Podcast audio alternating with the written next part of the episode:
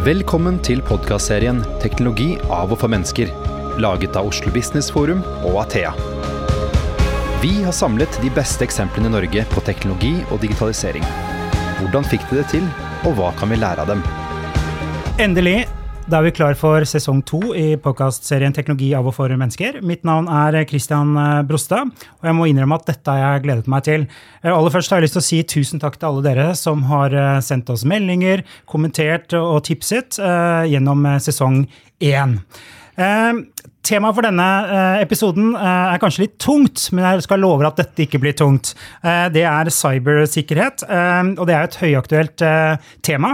Ikke bare er det oktober som er sikkerhetsmåneden, men det er også viktig for, for Norge, og det skjer en hel rekke ting. Og vi har med oss to spennende gjester i første episode. Det er Ingvild Smines Tybring-Gjedde, som er samfunnssikkerhetsminister. Veldig lang tittel. Velkommen. Tusen takk. Og så har vi Halvor Moland, som er informasjonsdirektør i Hydro. Velkommen til deg også. Takk skal du ha. Jeg har dykket i litt tall, og Nasjonal sikkerhetsmyndighet publiserer tall over IKT-hendelser.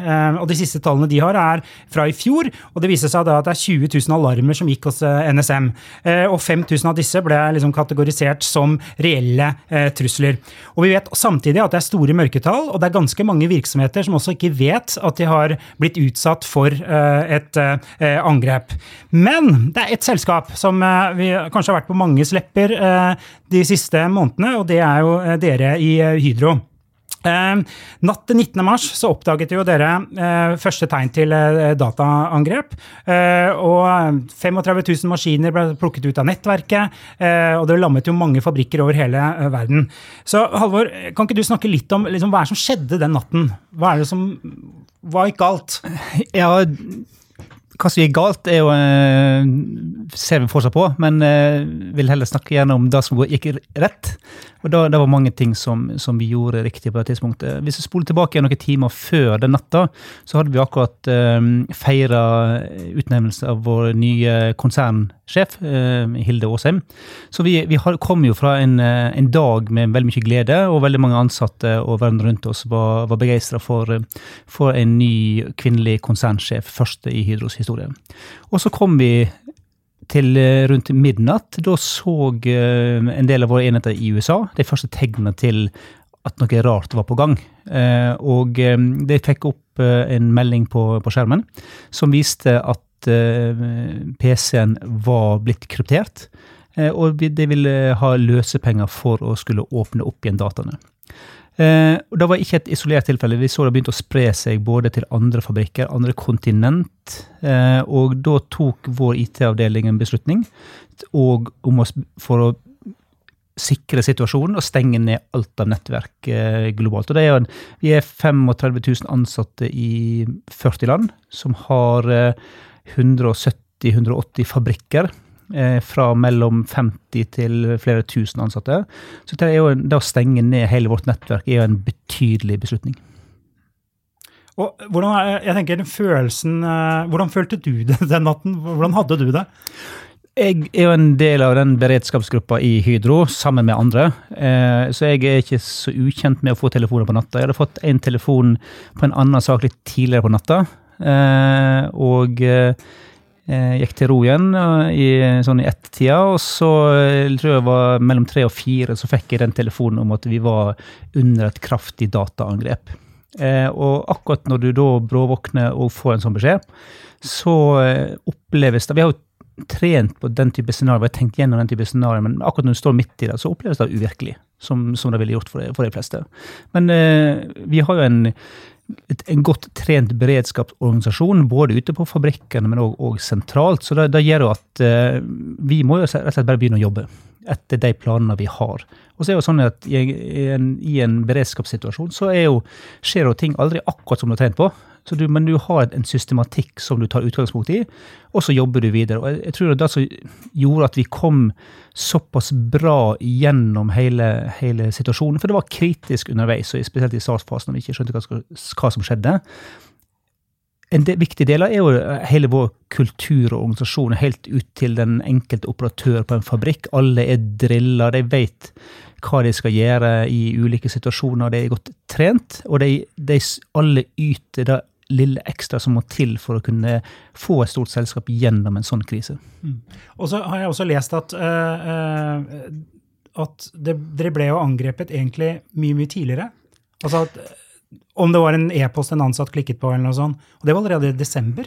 Så ja, det har ligget veldig ja. latent, eller? Ja, dette er jo, en, er et, uh, dette er jo ikke en tilfeldig 16-åring på et uh, gutterom som har hacka seg inn på, i våre systemer. Dette er jo et, et, det vi kaller et sofistikert angrep, som har vært planlagt over lang tid. Og da følger jo egentlig gangen i den type angrep som kryptovirus. og det du går inn sånn. Er, vi, vi, har jo i vår altså Derfor sier jeg det først, er at saken er fortsatt under etterforskning. Vi venter jo til Kripos, og de, de jobber fortsatt med saken.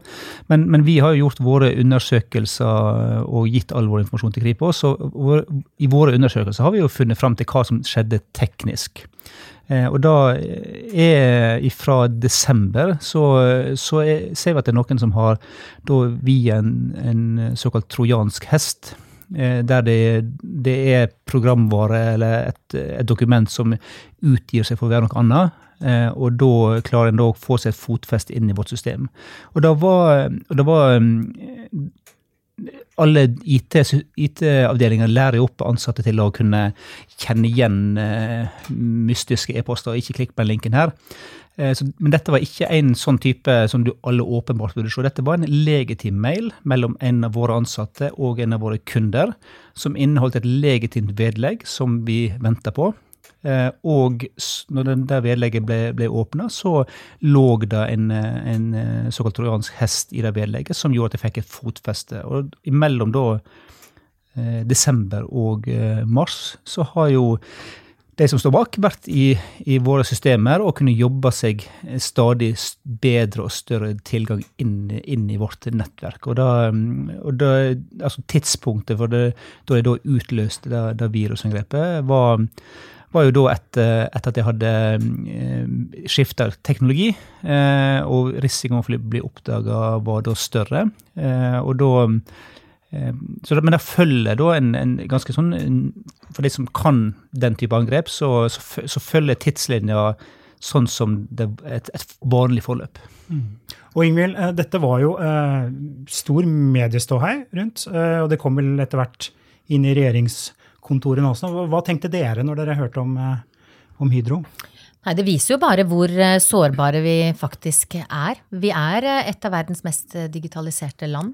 Og det er bra, for vi får jo masse positivt ut av nettopp det med gode helsetjenester osv., og, og ikke minst banktjenester. Men utfordringen er jo at når vi er de første til å ta i bruk teknologi, så er også, vi er også ofte de første som blir utfordret på den type teknologi eller denne type eh, attakk, da.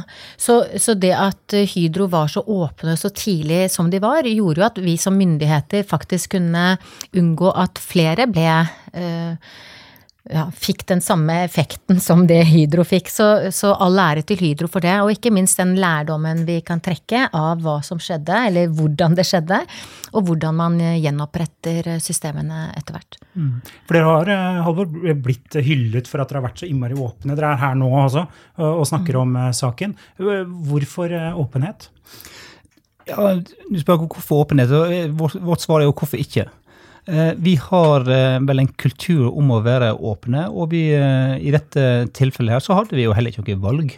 Fordi at da hadde en altså, stor del av vår virksomhet ble påvirka i veldig sterk grad. Så, men det var aldri et tema den morgenen når vi begynte å, å jobbe i, i beredskapsteamet vårt. Da, det var to ting. Vi betaler ikke løsepenger, og vi skal ut med en børsmelding før børsen åpner. Sånn det, det, var, det var aldri noe diskusjonstema hos, hos oss. Og eh, vi har jo òg eh, hatt god kontakt med, med, de myndighetsorganene som finnes på, på datasikkerhet, eh, NSM og, og, andre. Og vi meldte, ut, meldte jo saka til Kripos og har, har hatt veldig, veldig, god dialog og hjelp og bistand fra myndighetene. og Eh, setter jo òg pris på alle de gode tilbakemeldingene vi får, og ikke minst at, at eh, som, som, Kripos òg eh, har gått ut med eksternt, er at, som du òg refererer til, at, de, at det faktum at vi valgte å være åpne rundt det, kan ha hjulpet andre bedrifter med å unngå et tilsvarende angrep. Jeg må også legge til at jeg syns nettopp det at Hydro står frem, hjelper også på andre områder. Man ser at store selskap som Hydro blir angrepet med alt det de har av sikkerhet, og ikke minst ressurser, for å unngå dette. Men vi har jo i Norge over 90% av bedriftene er jo små og mellomstore mm. som ikke har de samme ressursene bak seg som, som, Hydro har. Men de er akkurat faktisk like utsatt. For vi ser jo her at det var, sånn jeg har forstått situasjonen, at det var en underleverandør av Hydro som sendte en helt legitim mail. Eh, og som helt sikkert ikke er like stor som Hydro. Under der har vi igjen underleverandører som også er små. Så nettopp det å forstå at det hele bildet er viktig. Alle bedrifter må ta dette inn over seg. Og det, jeg tror det er noen ting vi har hørt. og vi, I Norge så er det jo Vi snakker jo mye om, om denne saka i Norge, men òg i, resten av verden. Og eh, Tilbakemeldingen er jo enda mer egentlig overstrømmende når vi kommer utenfor landets grenser. For de ser på at det er sånn veldig uvanlig at store selskaper går ut. og for Det blitt, det har blitt eh, opp, opplevd som en skam. Eh, litt sånn tabubelagt å, bli ramma av et dataangrep. fordi da kanskje feilaktig har blitt eh, tolka som da at du har dårlige systemer. Men det, det, er jo som et, da å prøve å sikre et hus. Altså Hvis noen virkelig vil inn i huset, så kommer de seg inn. Eh, og det er det som òg er, er tilfellet her. Her er det eh, Store selskaper blir daglig forsøkt eh, eh hacka på, ulike måter. Eh, og eh, det er alltid en vei inn i et selskap, sånn at det er datamessig. Og da, og da er det jo heller viktig hvordan er du da i stand til å håndtere en situasjon. Da gjelder det å ha gode backup-rutiner, sånn at du er i stand til å kunne gjenvinne data Eh, angrep eh, og den tilstanden du hadde før. Du må ha, du må ha en plan for hvordan du skal håndtere videre drift av Hvis du er et produksjonsselskap som Hydro hvordan skal du drifte det videre uten å ha alle systemet tilgjengelig? Sånn, eh, så vår IT-sjef refererer jo ofte til at dette var jo ikke en IT-krise, dette var en selskapskrise. I det øyeblikket HR-avdelinga vår ikke kan betale ut lønn, fordi at vi har ikke tilgang til de, de systemene som gir data for å kunne betale lønn. Eh, og da, da, blir det en, krise som rammer alle. sånn at det er eh, jeg tror det har vært litt viktig for oss å bare formidle at, eh, at du kan ha så gode systemer du vil. Du er likevel utsatt for å kunne bli ramma av et dataangrep. Mm. Det går jo også rykter om i avisene at dere skanna hele Europa etter faksmaskiner. For når liksom de, ikke de etablerte systemene fungerte, da, så måtte de finne alternative systemer. Er det sant? Ja. Er det sant? Kan vi ja, det, det vi oppdaga, var jo at, at, at, prisen på brukte faksmaskiner gikk betydelig opp.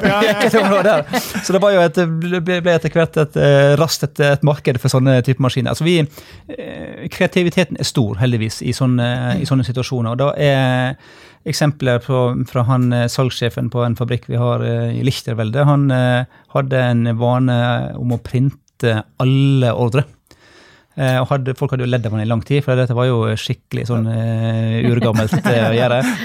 Og han gikk jo fra sånn dinosaur til helt over natta. For da at han hadde printa disse her og putta den permen i hylla bak seg, gjorde at de kunne produsere med litt mer manuelt arbeid, men de kunne fortsatt produsere. For litt av utfordringa fabrikkene våre opplevde, spesielt i pressverksvirksomheten vår, som er, er, de som har flest kunder og som har flest fabrikker, det var at de hadde ikke tilgang til ordresystemene. De hadde maskiner som de kunne kjøre manuelt, men alle ordresystemene der ordrene var lagt inn og forklarte hva de skulle produsere til hva kunde, det var ikke tilgjengelig. Så etter hvert så stoppa jo produksjonen opp pga. at de ikke hadde De visste ikke hva de skulle produsere. For vi produserer ikke hyllevarer, vi produserer direkte til, til, til kunde. Sånn at, eh, men men det er en kjempeinnsats som ble gjort av eh, alle våre ansatte eh, rundt omkring i verden. Det, det vi sier også, er at det har jo vært en av de beste teambuilding-øvelsene vi har gjort i, i, selskapet. Altså Det samholdet som folk har vist og stått sammen gjennom den krisen for å, liksom, å berge selskapet gjennom. For det er, det er jo klart at Underveis så blir du jo litt usikker på hva, hvor lang tid tar å komme tilbake igjen. og, og, og og, og hvor, hvor, sterkt skadelidende blir vi av et, av et sånt angrep. For vi, nå er vi jo tilbake igjen. Ehm, dette skjedde 19.3. Eh, IT-avdelinga vår gikk over fra krisemodus til eh, det de kaller normal drift eh, rett før sommeren, altså i midten av juni ca. Og, og det har kosta oss en plass mellom 550 og 650 millioner kroner. Og så har vi jo, som vi har kommunisert, en robust sånn dataangrepsforsikring som, som vil kunne dekke deler av det, av tapet. Mm. Nå er jo saken under etterforskning fortsatt, mm. men det er jo, som du sier, ikke noe grunn til å tro at det er noen 16-åringer som sitter på gutterommet. Det kan være andre nasjonalstater, vi kan jo spekulere i det vide og brede. Mm. Men Ingvild, Hydro er jo store, og som du egentlig sa i stad, de har jo Eh, muligheter til å liksom, sikre seg godt nok. Eh, hvilket ansvar har myndighetene for å tilrettelegge for at norsk næringsliv, og offentlig sektor også, eh, kan være sikre nok? Ja, altså Forsvarsdepartementet og Justis- og beredskapsdepartementet har det overordnede ansvaret for digital sikkerhet.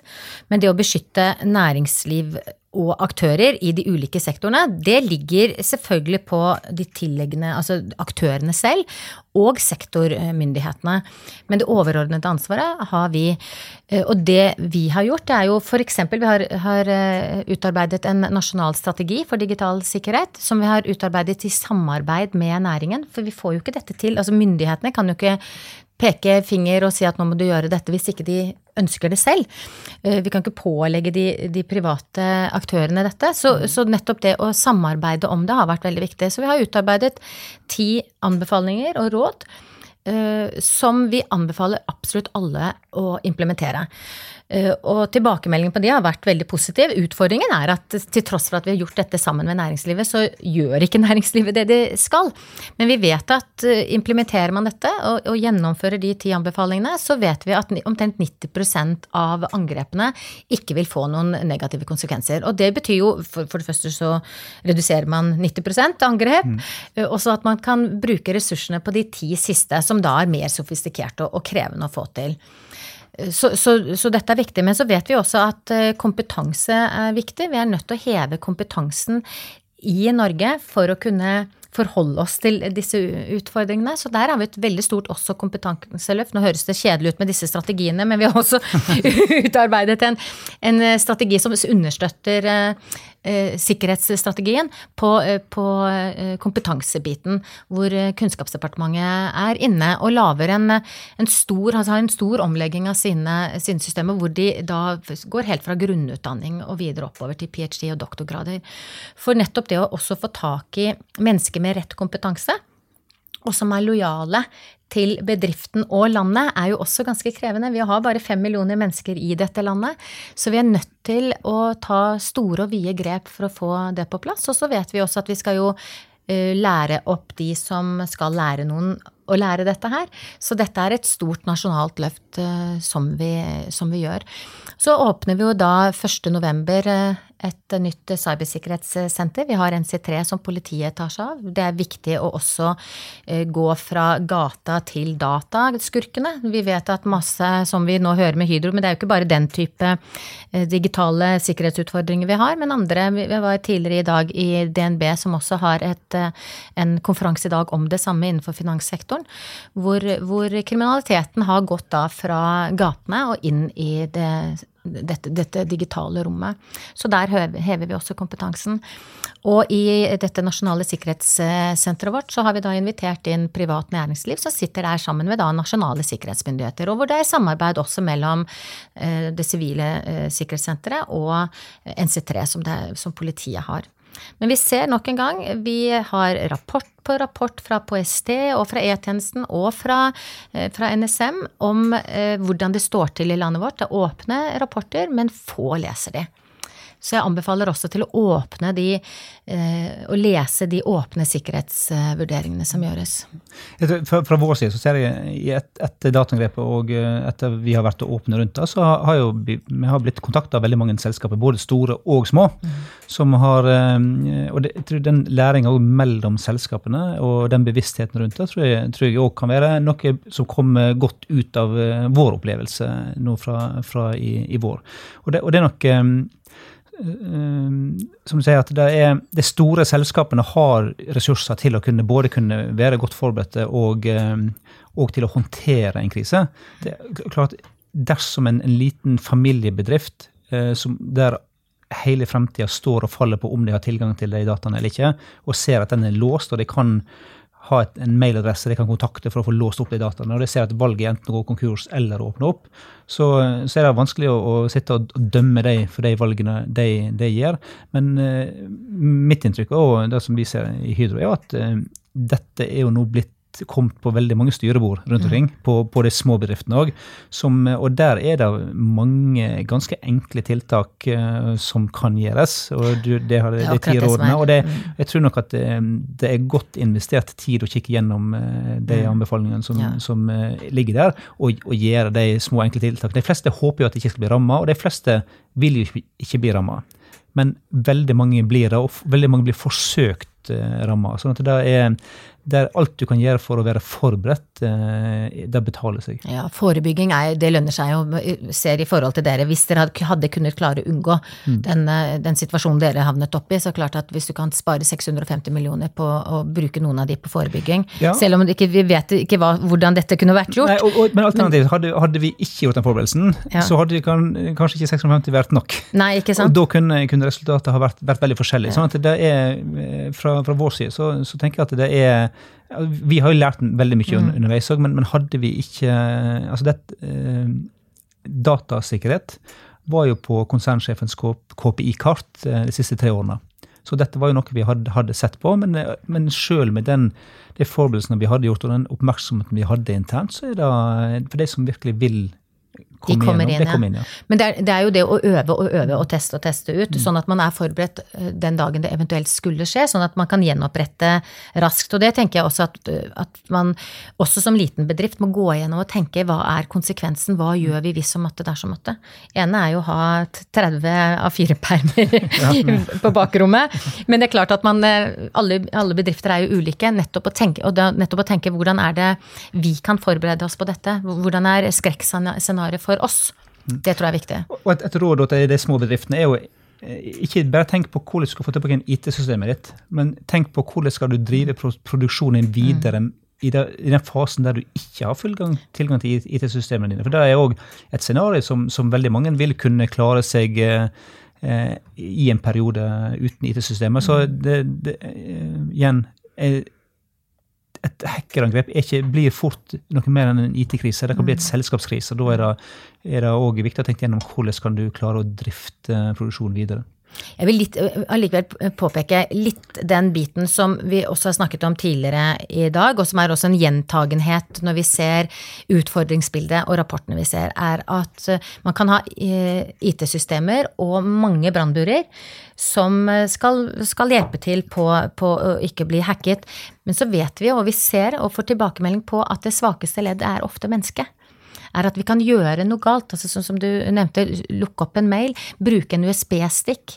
Ha, glemme passordet og legge det opp, eller ha det samme passordet på, på alle innretningene dine, slik at du faktisk eh, kompromitterer din egen bedrift eller deg selv. Eh, og vi vet jo også at man kan bli utsatt for eh, trusler, eh, sånn at man også blir en av de som er det svake leddet i bedriften din.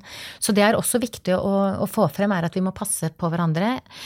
Hjelpe hverandre i den type krevende situasjoner også. Og ikke minst, jeg ser det på meg selv i min, min hektiske hverdag, det er veldig fort gjort å bruke USB-stikken ulike steder. Det er, eh, har vi lært at det skal vi ikke gjøre. Jeg har ikke gjort det. Men det er fort gjort. Jeg tenker at jeg tror vi må eh, normalisere litt, sånn at folk skjønner at det er, det er de små tingene som faktisk utgjør utgjør store, den store forskjellen. Og at vi, alle, vi er alle like, vi er alle hektiske, og det er fort gjort å gjøre en feil. Selv for en samfunnssikkerhetsminister.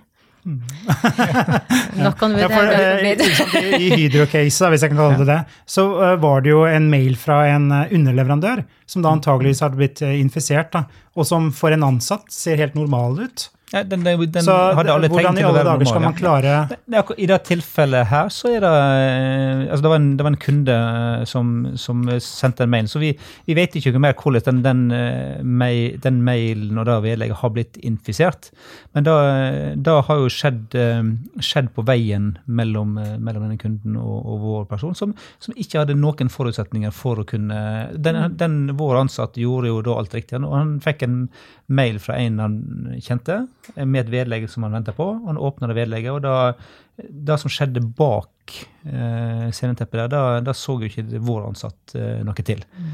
Eh, men vi har jo sporet det i etterkant. Sånn at det er det å ha en, Vi skal en, ha en økt oppmerksomhet. Og, da, og da, å snakke om det nå gjør jo at uh, uten at folk skal bli mørkeredde av den grunn, mm. men ha en litt sånn sunn skepsis til, til det som blir presentert deg. Hvis det, hvis det tilbudet er for godt til å være sant, og du, det kommer ut av det blå Så er det ofte det. Det er ofte det. Og det er, det er ikke, folk står ikke i kø for å gi deg 20 millioner. Vi, får, vi, må ikke skremme alle fra å bruke IKT-tjenester her nå, men, men, det er klart det er denne opp, eh, oppmerksomheten, bevisstheten på hva man gjør, som er, er, viktig å få frem. Ja, og vi har, Vår, vår IT-avdeling sender jo jevnlig ut, ut uh, testmailer. og det, Sender ut til 100, og så er det alltid mer enn én eller flere som vil åpne den. Så du, du klarer ikke å sikre det, sikre fullt og helt, men det, du må ha en kombinasjon av en, en årvåkenhet fra den enkelte, mm.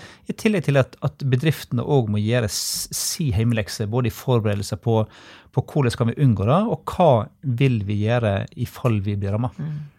Mm. Uh, det er mange som lurer på, uh, uh, for vi har fått noen innspill fra, ja. fra lytterne. da, eller De har ikke hørt denne podkasten nå. da.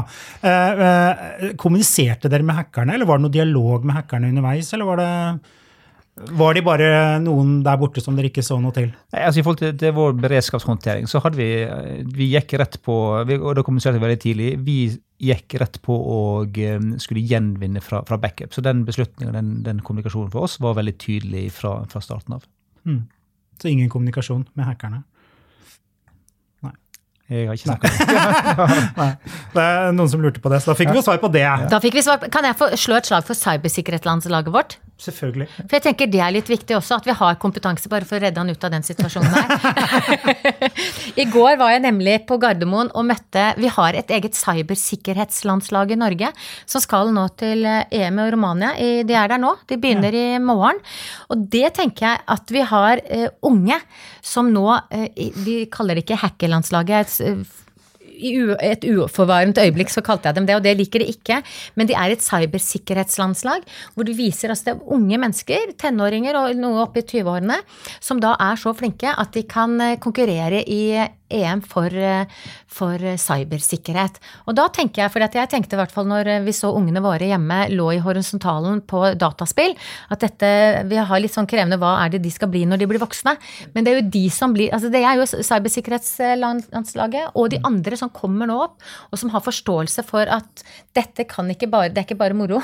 Det er faktisk et eget, eh, et eget Det vil bli et eget yrke. Et, et, eh, om, altså et yrke som vi trenger mange av. Vi trenger mange av den type folk som er interessert i å gå inn og ha litt sånn inntrengningstester, men med gode intensjoner.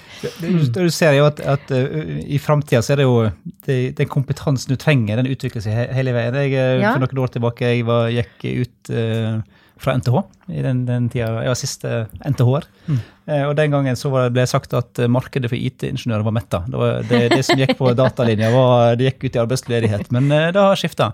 Og, og, du ser at, at digitalisering jo, går jo veldig fort framover. Og da, da er jo ei til stor hjelp for Norge, en, at de kan fortsette produksjonen, industriproduksjonen i Norge, fordi at de både har effektive operatører, vi har effektive systemer, vi har effektive prosesser. og Det er jo digitalisering i veldig stor grad hjelp til. Men det bringer med seg en del farer som, som eh, vi må være oppmerksomme, oppmerksomme på. Og det jo, var jo litt av det som vi òg eh, var bekymra for uh, i en fase.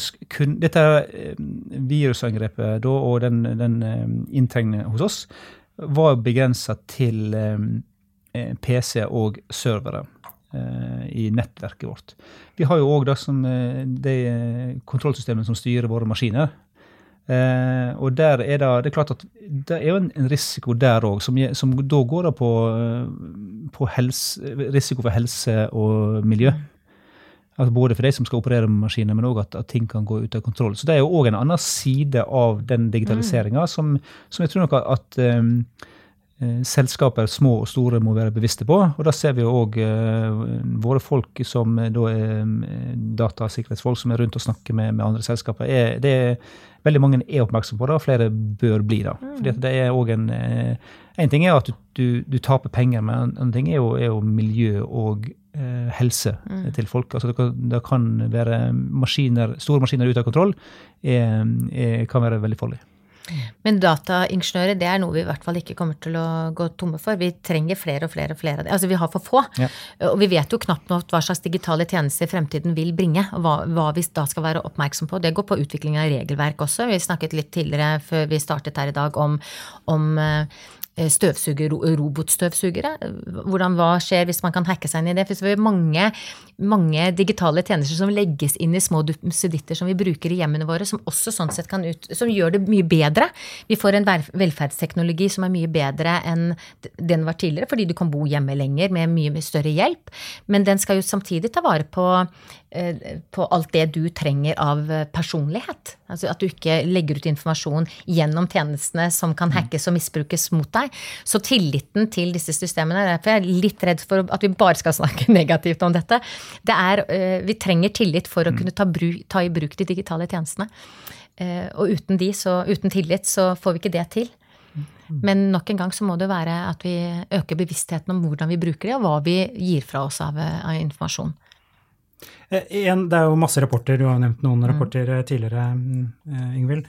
Uh, men det er også en sånn IKT-sikkerhetskompetansekartlegging ja. uh, som sier at i 2030 så vil vi mangle over 4000 personer som kan IT-sikkerhet.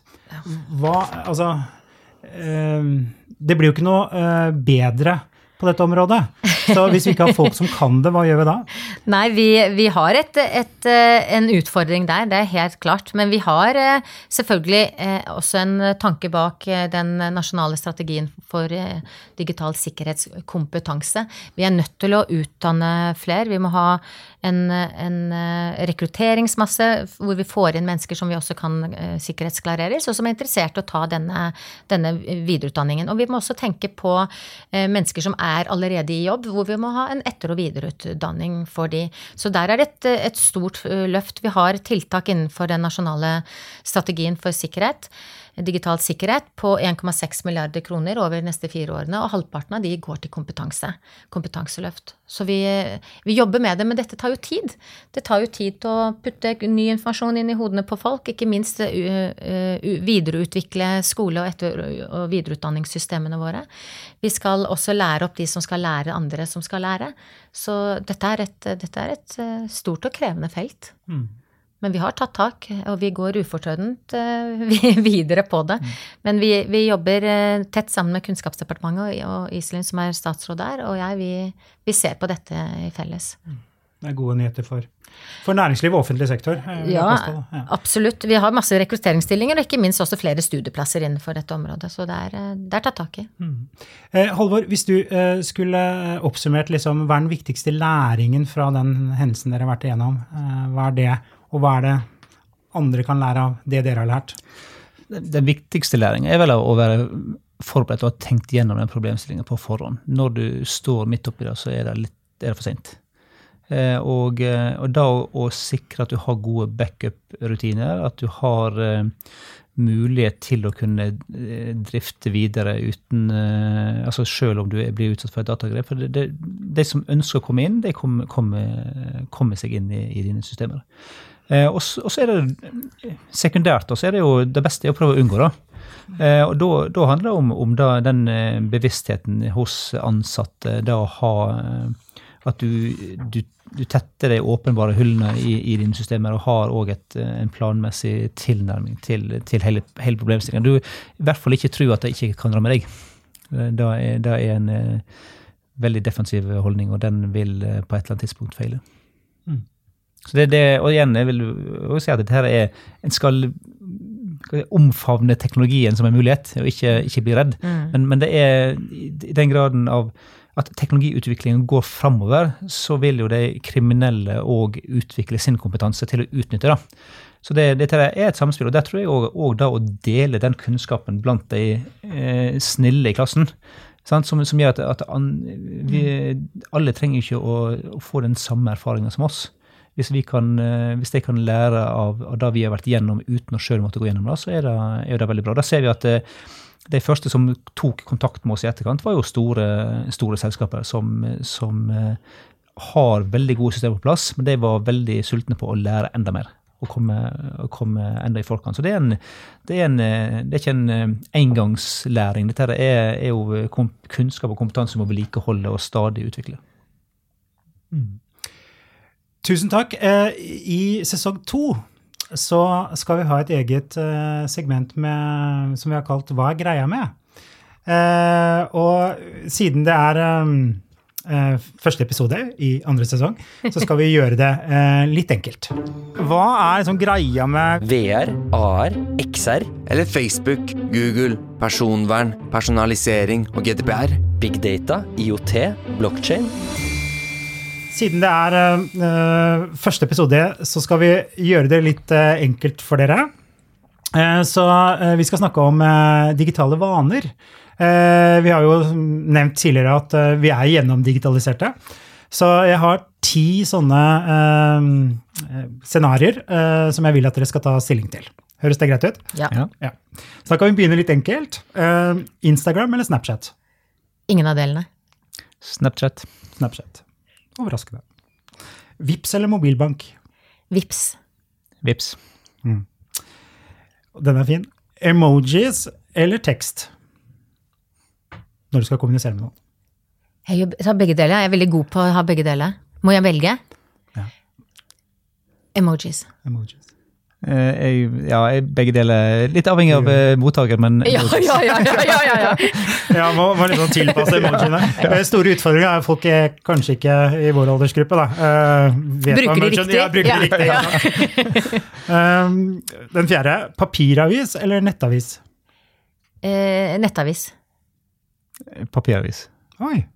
Spesielt i hel helger. Ja, det er enig. I helgene så er det papiravis. Lørdagene Ellers er det nettavis. På reise bruker jeg nett, nettbrett og, og digitalt. Ja. Kun lørdager nettavis. Nei, papir. Mm.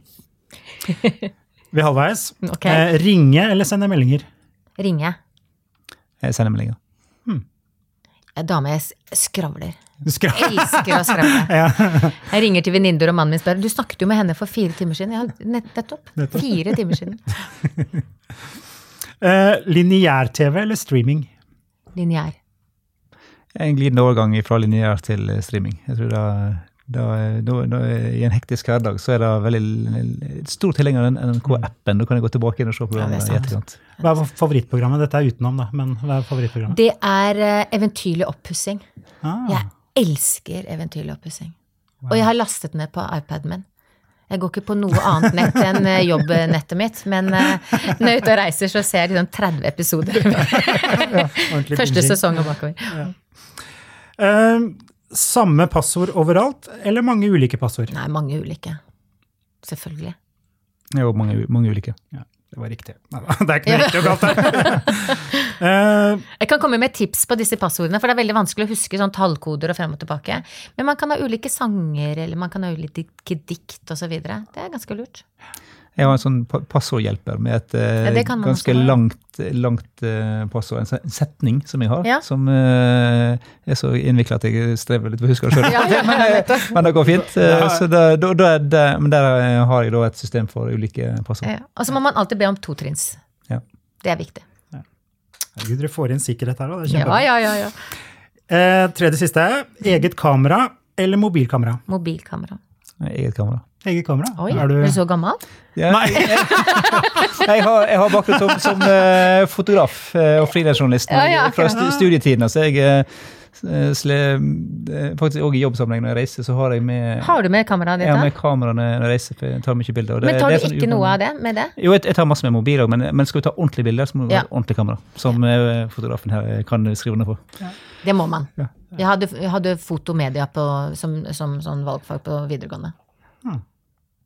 Jeg er så gammel at vi lærte å fremkalling. Ok. Ja. Så jeg bruker mobil. Ok. Det siste. Eh, radio eller podkast? Nå må jeg nesten si podkast. Ja, det må dere nå, altså. Jeg er, er nok fortsatt på, på radio, men eh, glidende overgang til podkast. Ja. Nitimen, også podkast. Dette er skikkelig avslørende. Jeg, jeg koser meg nå. Eh, Den siste, da. Nyeste mobil, eller bytte når den ikke funker lenger? Ja, bytte når den ikke funker lenger. Jeg bytter òg når den ikke funker. Ok. Veldig bra. Ingvild og Halvor, tusen takk for at dere kunne være med. Og tusen takk til deg som lyttet på. Du har nå lyttet til podkasten 'Teknologi av og for mennesker', laget av Athea og Oslo Business Forum. Følg oss i sosiale medier og på nettsiden vår athea.no. slash podcast. Vi setter utrolig stor pris på om du gir podkasten en vurdering i iTunes.